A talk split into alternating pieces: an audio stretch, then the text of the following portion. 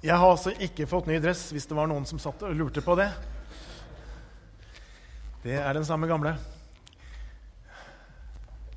Og så trodde jeg ikke det var noen som falt ut heller når jeg talte, da. Så hvis noen kikker ned på mobilen, så regner jeg med at det er Bibelen, og ikke at det er uh, oppdatering på sporten. Nei da, vi skal forsøke å holde dere i ånde. Vi har noen søndager fulgt Jesus fra måltid til måltid i denne taleserien som vi har kalt 'Til bords med Jesus'. Og det har vært en spennende reise. I hvert fall har det vært veldig spennende å få lov til å jobbe med disse tekstene. Det har vært eh, utfordrende, og det har vært eh, givende. Det er bra. Det var tordentalen i dag. Og så har det slått meg når jeg har sett på mange av disse tekstene, så har det slått meg når Jesus spiser sammen med folk Det er disipler, det er fariseere, det er syndere, det er tollere. Uh, og så tenker jeg du verden så ofte Jesus sitter til bords. Så mange ganger som Jesus spiser sammen med noen.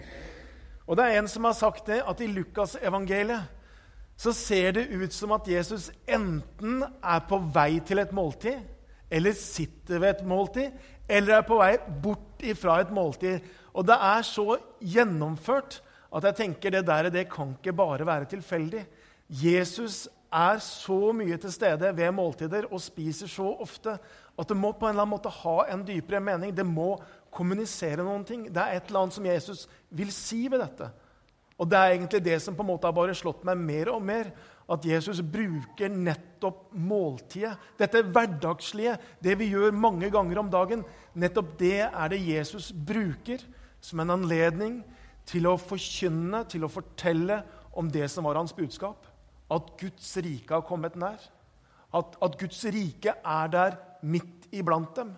Og så bruker han anledningen ved måltidet til nettopp å fortelle om dette riket, om Guds herredømme og hvordan det er annerledes, hvilke kvaliteter det har. Um, og så blir måltidet, når Jesus sitter og spiser, det blir på mange måter et vindu, eller skal vi si en dør, inn i det riket som han kom for å forkynne om og kom for å formidle. Og det gjør disse måltidene så utrolig spennende. Og det gjør de så rike og forsøker å få tak i hva er det som skjer. Så Vi har gått gjennom en del måltider eh, allerede eh, i, i januar. Og I dag så har vi kommet til eh, et måltid, et veldig spesielt måltid, helt på slutten av Jesu liv. Eh, og Vi er i kapittel 22 i Lukas evangeliet. Eh, og Vi skal høre om det, så I overskriften i Bibelen så står det 'Jesus siste måltid'. Vi skal høre om det som skjer nettopp denne spesielle kvelden. Det er skjærtorsdag. Det er dagen før Jesus skal gi sitt liv. Han samler sine disipler rundt seg, og så spiser de et måltid som blir veldig spesielt og som vi har markert siden. Eh, vi skal lese fra Lukas 22, og vi skal lese en lang tekst i dag, så det er bare å stålsette seg. Fra vers 7 til og med 26 skal vi lese Jesu navn. Så kom dagen under de usyredes brøds høytid, da påskelammet skulle slaktes. Jesus sendte Peter og Johannes av sted og sa, 'Gå og gjør i stand for oss, så vi kan holde påskemåltid.' De spurte, 'Hvor vil du at vi skal gjøre i stand?' 'Hør', sa Jesus. 'Straks dere kommer inn i byen, vil en mann som bærer en vannkrukke, møte dere.' 'Følg etter ham til det huset han går inn i, og si til eieren av huset:" 'Mesteren spør:" Hvor er rommet der jeg kan holde påskemåltid med disiplene mine? Da skal han vise dere et stort rom ovenpå, med tepper og puter. Der skal dere stelle i stand. De gikk da av sted og fant det slik som han hadde sagt, og de gjorde i stand påskemåltidet. Da tiden var inne, tok Jesus plass ved bordet sammen med apostlene. Og han sa til dem, 'Jeg har lengtet inderlig etter å spise dette påskemåltidet med dere før jeg skal lide.' For jeg sier dere, aldri mer skal jeg spise påskemåltidet før det er blitt fullendt i Guds rike. Så tok han et beger, ba takkebønnen og sa, Ta dette og del det mellom dere. For jeg sier dere, fra nå av skal jeg aldri drikke av vintreets frukt før Guds rike er kommet. Så tok han et brød, takket og brøt det, ga dem og sa, 'Dette er min kropp, som gis for dere. Gjør dette til minne om meg.' På samme måte tok han begeret etter måltidet og sa, 'Dette begeret er den nye pakt i mitt blod, som blir utøst for dere.' Men se, han som forråder meg, har hånden her på bordet sammen med meg. For menneskesønnen går bort slik det er bestemt men ved det mennesket som forråder ham. Da begynte de å trette om hvem av dem som, kunne, som, det kunne være. Nå ble det en strid mellom dem og hvem som skulle regnes for den største.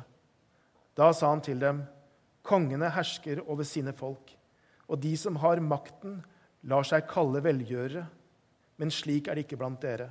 Den største av dere skal være som den yngste, og lederen skal være som en tjener. Vi skal be. Herre Jesus Kristus, jeg takker deg for ditt ord. Takker deg for denne kvelden, denne kvelden før du skal dø. Takk for at du samler dine disipler. Takk for måltidet som de fikk lov til å dele sammen med deg. Og takk for at vi i dag får lov til å dele det samme måltid. Og så ber jeg, Herre, om at du må åpenbare ordet ditt for oss, at du må tale inn i våre liv. Må du vise oss hva dette betyr i dag for oss. Jeg ber at du skal åpenbare ordet ditt i ditt navn. Amen. Dette måltidet det er annerledes enn de andre måltidene vi har fulgt Jesus i. Det er sikkert likt på mange måter også. Det er mat på bordet, og de sitter rundt et langbord. Men det er annerledes. Dette er for det første det eneste måltidet vi leser om at det er Jesus som står som vert. Det er han som organiserer det. Det er han som, som på en måte har ansvar for det. Det er han som dekker bordet. De andre måltidene som vi har lest om, så har Jesus vært gjest. Her er det tydelig han er vert. Dette måltidet er også en del av det jødiske påskemåltidet. Det understrekes flere ganger. Det jødiske påskemåltidet var et helt spesielt måltid med en helt spesiell betydning. Og de hadde på en måte sin liturgi, det hadde sin, sine rutiner og sin ritus. Og dette måltidet så er det også bare de aller nærmeste disiplene, de som kalles apostler, som er til stede. Og Så ber Jesus sine disipler om å gjenta dette måltidet senere. Og så skjønner vi at det er starten på en ny tid. Det er noe nytt som starter her. Det er et måltid som fortsetter, og som ikke slutter. Det er et lite måltid, eh, og det var det kanskje den gangen. Det er det i hvert fall i dag når vi feirer nattverd sammen. Det er, det er et ganske enkelt måltid. Men det er et utrolig viktig måltid. Så hva er det det betyr? Hva er det på en måte vi ser? Og i nattverden så ser vi, og det er utsikt til fire sider. Og det er det jeg har lyst til å peke på i dag. Vi ser for det første tilbake i takknemlighet. Vi ser i dette måltidet framover med håp. Vi ser i dette måltidet rundt oss med kjærlighet, og vi ser i dette måltidet opp i forventning. Og Det er mine fire punkter. Det er disposisjon for det jeg har lyst til å si. Og Det første det er dette at vi ser tilbake i takknemlighet. Og Jesus er veldig tydelig i dette måltidet. At dette måltidet det handler om det som skal skje dagen etterpå. Når Jesus skal lide og dø. Han sier, 'Jeg har lengtet etter å dele dette måltidet med dere før jeg lider'. Og når han tar brødet, så holder han det opp, og så velsigner han det, og så bryter han det. Og så sier han og viser hvordan dette som han nå gjør, det er det som skjer med hans kropp. Dette er min kropp. Og så setter han det i sammenheng med det som skulle skje i dagen etterpå. Og Så tar han begeret etter måltid og sier han, dette, dette er mitt blod, som utøses for dere. Så det Jesus gjør med dette måltidet, det er at han peker til det som skjedde på korset. Og så kan vi i dag få lov til å se tilbake på det. Vi ser brødet, Jesu kropp som ble brutt og som ble knust for vår skyld. Vi ser blodet som ble utøst, som rant fra hans sår i hender, føtter, i side og på rygg. Og så var det for vår skyld. Profeten Jesaja han ser fram mot dette, og så sier han det slik men han ble såret for våre eh, lovbrudd, knust for våre synder. Straffen lå på ham. Vi fikk fred. Ved hans sår ble vi helbredet. Han ble mishandlet, han ble plaget. Han åpnet ikke munnen, lik et lam som føres bort for å slaktes. Det er det Jesaja sier. Og det er det korset handler om. Så er korset det er noe mer enn en sånn grufull martyrie, tragisk martyrie som kan røre oss, og som vi kan kjenne medlidenhet for. Det er det òg, men det er mer enn det. Det er noe mer enn Guds tydelige rop til oss hvor høyt han elsker oss. Og så er det det òg, men det er noe mer enn det. Det er noe mer enn et sånt eh, dramatisk intermesso før en, en triumferende oppstandelse. Og så er det det òg, men det er mer enn det. Hva er det korset er?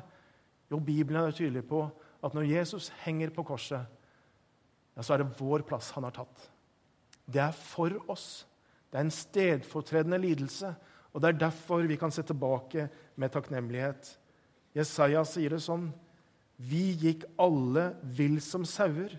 Hver tok sin egen vei, men skylden som vi alle hadde, den lot Herren ramme ham.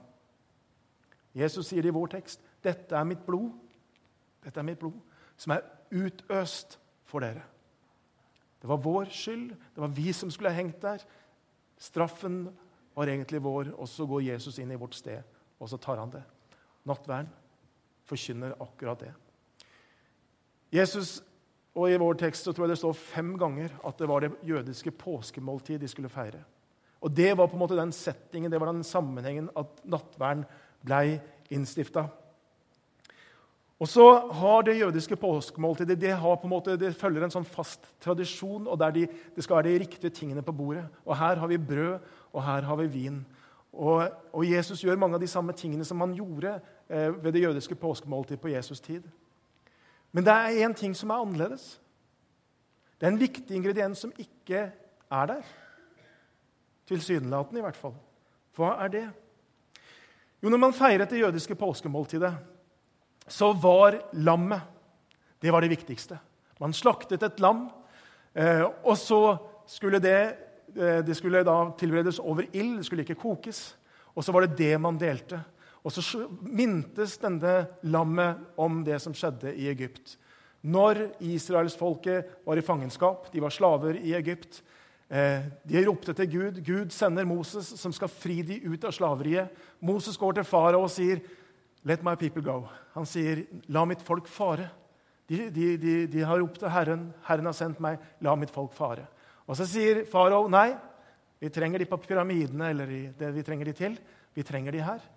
Og så sender Gud plagene den ene etter den andre. Frosker og, og eh, gresshopper og alt mulig. Og så sier fortsatt farao nei, nei, nei. Og til slutt, til slutt så sier Gud at han skal gå gjennom Egypt og dømme egypterne og de som bor der.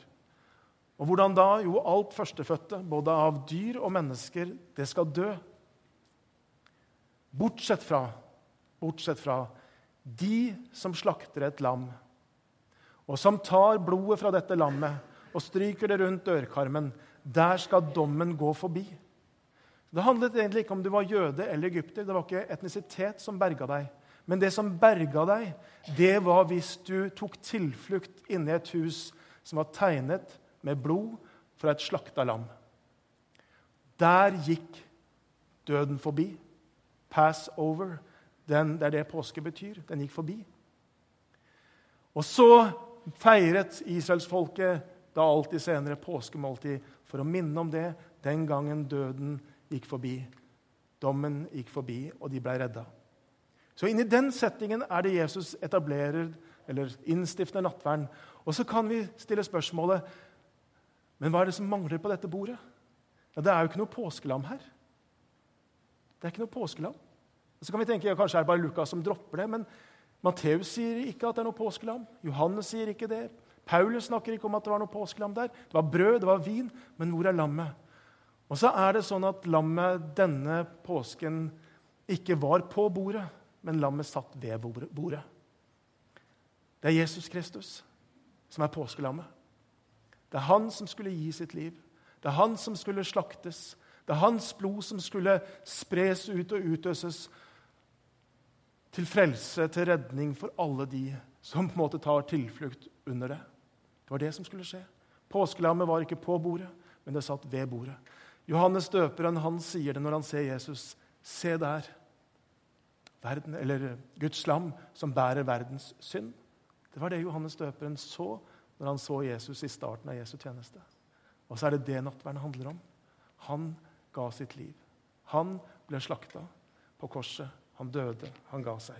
Og så kan vi få lov til å stå her med brød og vin i våre hender og se tilbake med takknemlighet på det som Jesus har gjort. Så det er det ene vi gjør. Vi ser tilbake i takknemlighet. Det andre vi gjør, det er at vi ser framover med håp. Vi ser framover mot håp. I nattverden, når vi feirer nattverd sammen, ja, så er det at vi minnes noen ting som har skjedd. Men samtidig så er det også et blikk som er retta framover. Og det er det Jesus som egentlig gjør for oss. For der jødene på en måte så kun tilbake og mintes det som hadde skjedd, der er det Jesus sier følgende i vers 16.: Aldri mer skal jeg spise påskemåltidet før det blir fullendt i Guds rike. Og så fortsetter han å si i vers 18.: Fra nå av skal jeg aldri drikke av vintedets før Guds rike er kommet. Der i vår framtid, gjennom tid og rom, der skimter vi, der hører vi lyden av et annet måltid, det himmelske festmåltidet, som dekkes for oss, hvor det står at mennesker kommer fra øst og vest, fra nord og syd, for å sitte til bords med Jakob, Isak og Abraham. Der er vi invitert. Der er det reservert plass for deg. Ditt navn står der på et bordkort. Og så er det dit vi er på vei. Det er dit veien går. Vi skal få lov til å være med der. Og nattverden og id, når vi feirer, så minner det oss om det. At nettopp vi er pilegrimer. Vi er på vandring. Vi er fremmede i denne verden, og vårt hjemland det er faktisk et annet sted. Og så er vi på vei mot en fest. Mot en himmelsk fest. Og vi skal få lov til å møte Han ansikt til ansikt. Se Han som Han er. Han dekker det bordet, og han sitter der og ønsker oss velkommen. Vi er alle og som har blitt invitert, og som har sagt et ja, har våre plasser reservert dit. Retreatbevegelsen de har en bønn som de avslutter når de har nattvær sammen. En bønn som jeg syns er veldig fin, og som har noe av dette perspektivet. Hvor det står Vi har holdt måltid sammen med vår Herre Jesus Kristus, som har styrket oss. Vi er med i Kristi seierstog, og vi har nå rastet på veien til himmelen. Er ikke det flott? Ja, Vi har rastet på veien til himmelen. For med ditt verk har du gledet oss, Herre. Vi jubler over det du har gjort. Og Sånn sett så blir også nattverden håpets måltid. Og håp, det trenger vi. Og ikke minst så merker vi det i tider hvor det er vanskelig, tider som er tunge, tider som er mørke. Eh, og det kan man oppleve midt i Norges velferdssamfunn, så det kan være sånne tider i ens liv. Og nettopp da blir håpet så utrolig viktig. Og det er så viktig å få lov til å ha et ankerpunkt der framme for sitt liv. Og nattverden, når vi feirer, så tenker jeg så har det noe av det perspektivet. Det hjelper oss å feste blikket der framme. Og så er det sånn at når, vi, når du har hørt innstiftelsesordene, og mange av dere har hørt innstiftelsesordene og feira nattverd mange ganger, når vi avslutter disse innstiftelsesordene, hva er det vi da sier? Jo, det står i 1. Korinterbrev 11, vers 26. For så ofte som dere spiser av dette brødet og drikker av kalken, forkynner dere Herrens død inntil Han kommer. Hver gang vi deler nattvær, så minnes vi om dette. At det er et 'inntil Han kommer' i det. Det er et framtidsperspektiv. Han skal komme igjen. Eller kanskje vi kommer til han først. Og så er det der vi er på vei. Nattverden hjelper oss nettopp til det. Det var det andre. Vi ser altså fram, og framover med håp. For det tredje som jeg har lyst til å peke på, det er at vi ser rundt oss med kjærlighet. For når vi står der og feirer nattverd sammen, så kan det hende at du er først og fremst og lukker dine øyne og er først og fremst vendt mot Herren og mot Gud. Men om du åpner øynene dine og ser deg rundt, så vil du se at der står andre med brød og vin i sine hender. Der står menigheten. Og takk, gode Gud, for menigheten. Takk, gode Gud, at jeg slipper på en måte å gå her aleine, men jeg er satt sammen i et fellesskap. Takk, gode Gud, for Kristi menighet på denne jord. Og takk, gode Gud, for denne menigheten, for Randesund misjonskirke. Og så kan vi få lov til å gå sammen. Vi kan få lov til å oppleve fellesskapet. Vi kan få lov til å være her som en Guds folk på vandring i denne verden. Det jødiske påskemåltidet det ble feira som en sånn det, Der var familien samla. Det var som når vi har julaften. Da var det liksom Han samla hele familien, og så feira man påskemåltidet. Men denne påsken som vi har lest om her, der var disiplene ikke sammen med sin kjødelige familie. Og det som skjer er at Når Jesus dekker dette påskemåltidet, så etableres det også en ny familie som er bygd på noen andre forutsetninger enn slektskap og kjødelig at man er i familie sånn rent fysisk. Det er en ny familie som etableres. En familie bygd på det grunnlag at man er født på ny, at man har fått lov til å ha Gud som far. Og i det fellesskapet så blir vi brødre og søstre. Vi blir søsken rundt nattverdsbordet og ved korset. Og det er noe fantastisk som skjer, tenker jeg. i det vi sier ja til Jesus, ja, så får vi altså en helt ny familie. Det er en helt ny familie, Og så kan man kjenne det der familiebåndet med mennesker man aldri har truffet, og så kanskje bare møte man noen i en annen kultur, i en annen setning, og så kan vi kjenne vi har noe av det samme. Vi har alle sammen Gud som vår far. Og så tenker jeg at Det er jo et fantastisk budskap å kunne gi inn i vår verden med så mange brutte relasjoner og så mange oppløste familier, å kunne få lov til å si det at det er faktisk en annen familie som er etablert på denne jorda her, som har andre forutsetninger, nemlig det at vi alle sammen har fått lov til å ta imot Jesus. Da skjer det noe. Korset forener. Korset forener.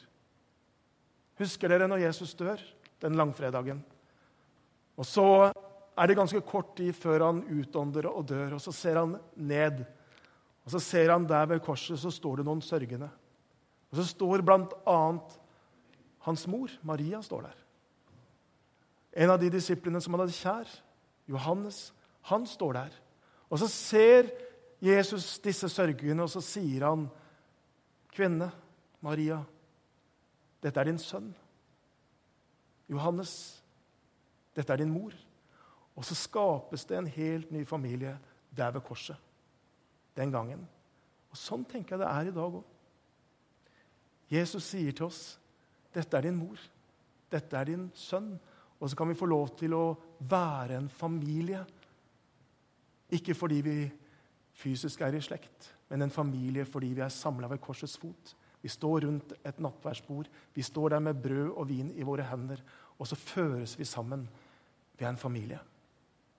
Så kan det hende at Gud legger på ditt hjerte på en spesiell måte å være en åndelig mor eller far.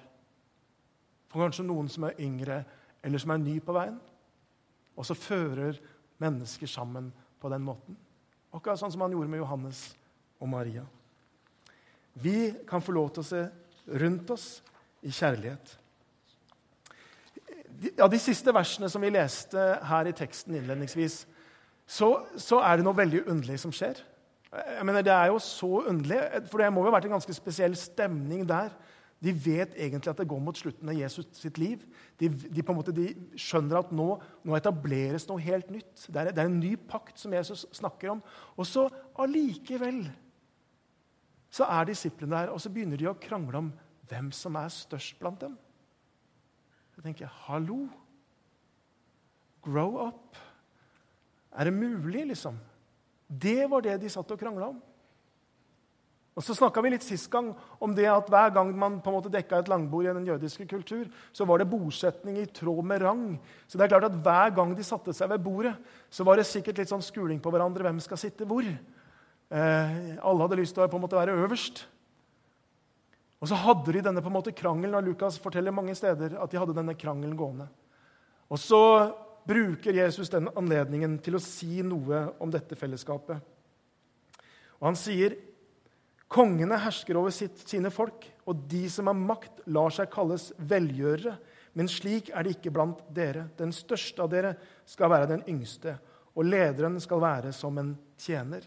Og så sier Jesus, Det er sånt fellesskap jeg har modellert for dere. Det er sånt fellesskap jeg vil at dere skal føre videre. Det er sånn jeg vil at dere skal være mot hverandre. Om man ikke på en måte krangler om å ha den gjeveste plassen eller tråkker på andre for å komme fram sjøl, men på en måte åpner rommet, gir plassen til andre, er andres tjener.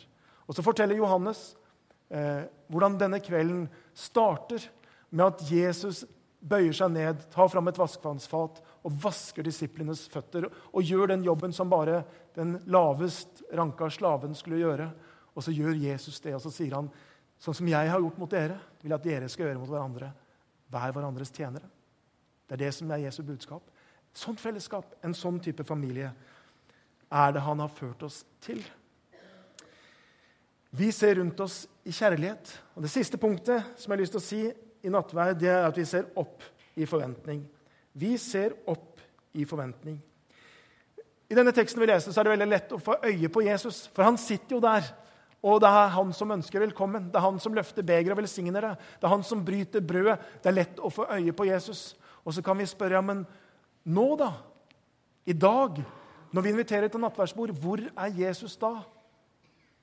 Er han til stede på en annen måte enn, bare i vår tanke? Ja, han er det.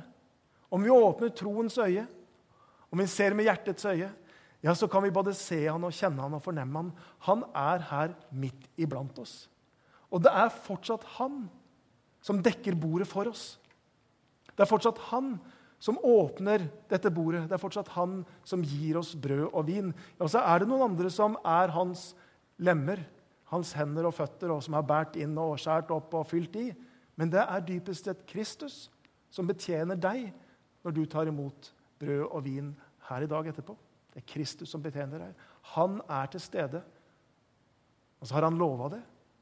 Der hvor to eller tre er samla, der er jeg midt iblant dere. Han er her.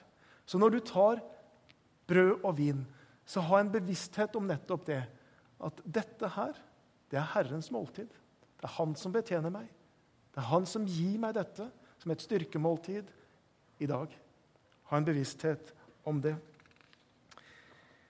Det er mange tunge diskusjoner, teologiske diskusjoner på hvilken måte er Jesus til stede i nattverden.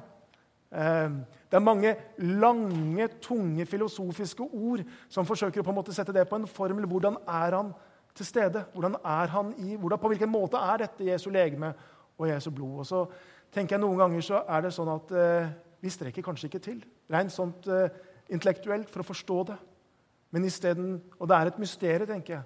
Så noen ganger istedenfor å forsøke å forstå det, så kan vi kanskje bare erfare det og erfare at han faktisk er til stede. Han er her med sin ånd. Han er her eh, og betjener oss i dag. Nattverden er et styrkemåltid og Det er det for alle troende. Og jeg tenker Det styrker oss på ulike, mange ulike måter. Det styrker troen vår, det styrker håpet vårt, det styrker eh, kjærligheten vår. Og på hvilken måte? Jo, når du tar imot nattvær, eh, så minner det oss om det som Jesus har gjort. Brød og vin er sånne veldig konkrete elementer som skal minne oss om det som Jesus gjorde. Og Når vi står der, så reflekter over akkurat det som skjedde på korset. Og så viser også nattverden oss hvor mye vi kan gjøre i det å på en måte være frelst. For det er bare av nåde. Og i nattverden, hva er det vi gjør? Jo, vi strekker bare ut to tomme hender. Vi gir ikke noe i gjengjeld. To tomme hender. Og så tar vi imot i tro brød og vin. Sånn er det. Vi tar imot både nattvær og eh, frelsen. Det styrker håpet, og det hjelper oss å løfte blikket og se på at vi er her underveis til noe det peker fram mot det fullendte. Og så tenker jeg det også styrker kjærligheten vår. Først og fremst til Kristus, men også til hverandre. Vi blir minnet om det fellesskapet som vi er en del av. Og det er det grunn for å takke for. Ja, Det er grunn for å takke for det fellesskapet som vi får lov til å være en del av i denne menigheten her. Det er mange som har benytta nattverden til for første gang å bekjenne at man har tatt imot Jesus eller vil leve sammen med Jesus. Det er fortsatt mulig. Det er det mange som har fått lov til å gjøre, og som på en måte har lurt skal jeg tro, skal jeg ikke tro? Og så blir det å gå fram og ta nattvær det blir nettopp den konkrete handlingen som sier yes, Jeg vil gjøre det.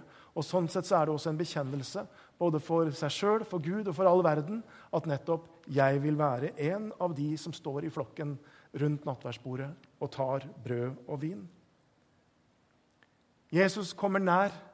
Det betyr også at når vi tar nattvær, så kan det være Man kan oppleve helbredelse, om det er indre ting eller om det er eh, legemlig helbredelse.